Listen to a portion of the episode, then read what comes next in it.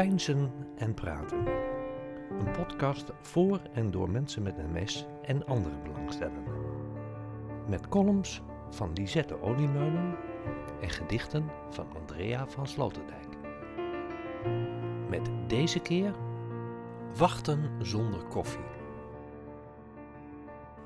Fijn dat er in de wachtkamer een koffieautomaat hangt. Maar zo'n koffieautomaat kan soms een grote hindernis zijn. Lisette heeft dat aan de lijve mogen ervaren. En ook Andrea heeft daar een apart gevoel bij.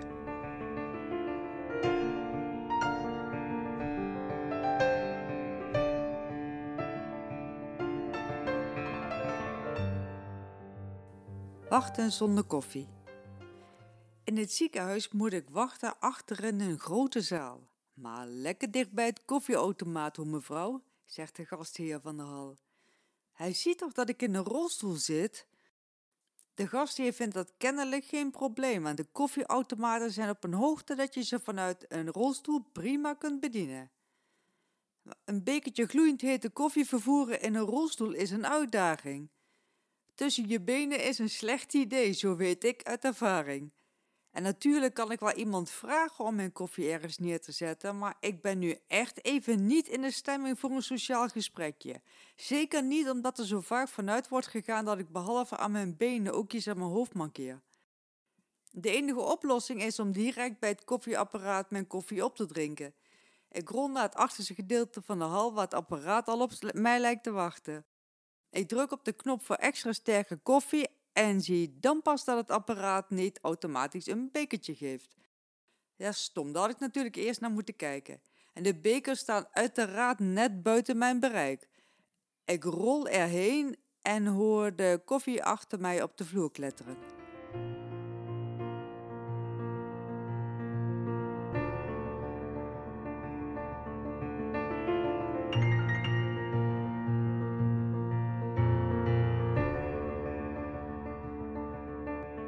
Zat jij zo te wachten dat je met die koffie aan de gang ging? En dit was een hele grote hal met, uh, ja, er zat van alles, er allerlei verschillende uh, specialisten ook en verschillende aandoeningen uiteraard en verschillende mensen. En dat maakte het zo uh, dat ik dacht, oh jeetje, want bij zo'n kleine wachtkamer waar je mensen bijna lijkt te kennen, dan nou, is het niet erg als er eens een keer iets misgaat, dat snapt iedereen. Maar bij zo'n hele grote hal, uh, ja, dan wil je dat niet. Dan ben je heel onpersoonlijk, denk ik. Dan voel je je gewoon echt een nummertje. Ja. Zoiets. Ja, en ook een beetje uh, ja, minder veilig. Ja, minder veilig. Verloren een beetje. Verloren, ja. En ook, uh, ik ken daar niemand, niemand die even voor mij, uh, niemand die snapt dat je niet zo'n bekertje met gloeiend hete koffie, uh, ja, in je rolstoel, ja, hoe dan? Dan voel je je extra erop gewezen dat je minder makkelijk dit soort dingen kan doen. Ik, ik kan me dat helemaal indenken. En dat je er eigenlijk bij staat en er naar kijkt.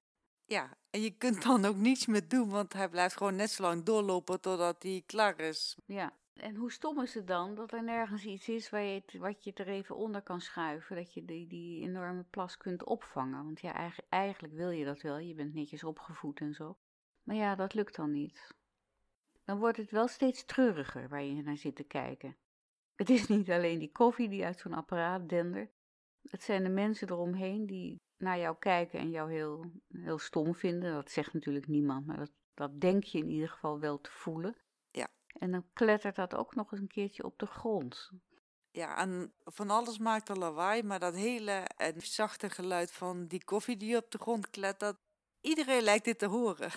Ja, dat denk je vooral ook, hè? want dat is misschien helemaal niet zo. Maar het lijkt wel of die hele wachtruimte, al die mensen die daar zitten, dat al die ogen zich ineens op jou vestigen en denken van, gut, wat een sukkel.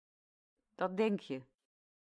Ik heb het zelf naar verdriet uh, vertaald, want ik voelde in die, die naar beneden plensende koffie ook een soort van tranenvloed. En dat ik eigenlijk niet goed weet wat ik daarmee wil, want ik voel me wel verdrietig omdat alles, om alles, hè, om mijn ziekte, om, omdat dat dit nou niet lukt. En iedereen zit ook nog een keertje te kijken. Het is allemaal één brok verdriet. En dat klettert dan ook nog zo lekker naar beneden. Maar ik, ik weet het dan ook even niet. En aan de andere kant denk ik, je kunt natuurlijk ook je ferm omdraaien en iedereen recht in het gezicht kijken en, zoiets zeggen: Sorry jongens. Ja, maar daar heb je wel uh, een soort van zelfvertrouwen voor nodig. En nou heb ik best wel veel zelfvertrouwen, maar niet als het gaat om mijn uh, sukkelige uh, ziekte, hoe zeg je dat, dingen die ik niet kan, nee. onvermogen dingen. Dan voel ik me heel klein en dan wil ik het liefst één worden met de koffie die er ligt. Alsof je op een podium zit en dat dan alles mislukt. En iedereen die zit daar een beetje naar jou te kijken. En, en, en de toeschouwers gaan dan boe roepen, hè? Want Ja. eh, je doet het niet goed. Boe, weg. Eigenlijk zou je je willen omdraaien en zeggen: U mag wat applaudisseren hoor. Ja, nou dat zou heel sterk zijn, Lisette, als je dat zou kunnen.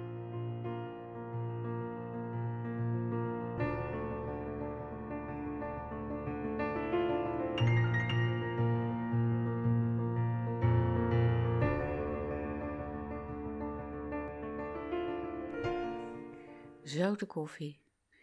Ik kan er net bij, de koffieautomaat. Heb zin in een bakkie, je weet hoe dat gaat. De knop indrukken lukt nog wel. Op het bekertje krijg ik geen greep. Het plastic laagje voelt aan als een stuk gladde zeep. Ik stoot het om, wat ben ik toch dom. Vocht valt dampend naar beneden en met de koffie stromen mijn tranen mee. Ik zie in een wazige waan een bruin meertje rond mijn voeten ontstaan. Omstanders roepen dweil en doekjes. Ik weet het even niet. Geef mij over aan een wel niet verdriet. Loop weg als een azo schoffie. Zoute koffie.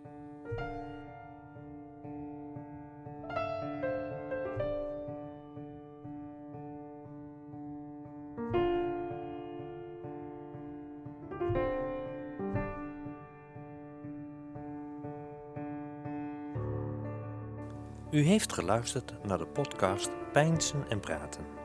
Met een column van Lisette Oliemeulen, gedicht van Andrea van Sloterdijk, muziek Michael Kamen, gespeeld en gearrangeerd door Teddy Leon Schie.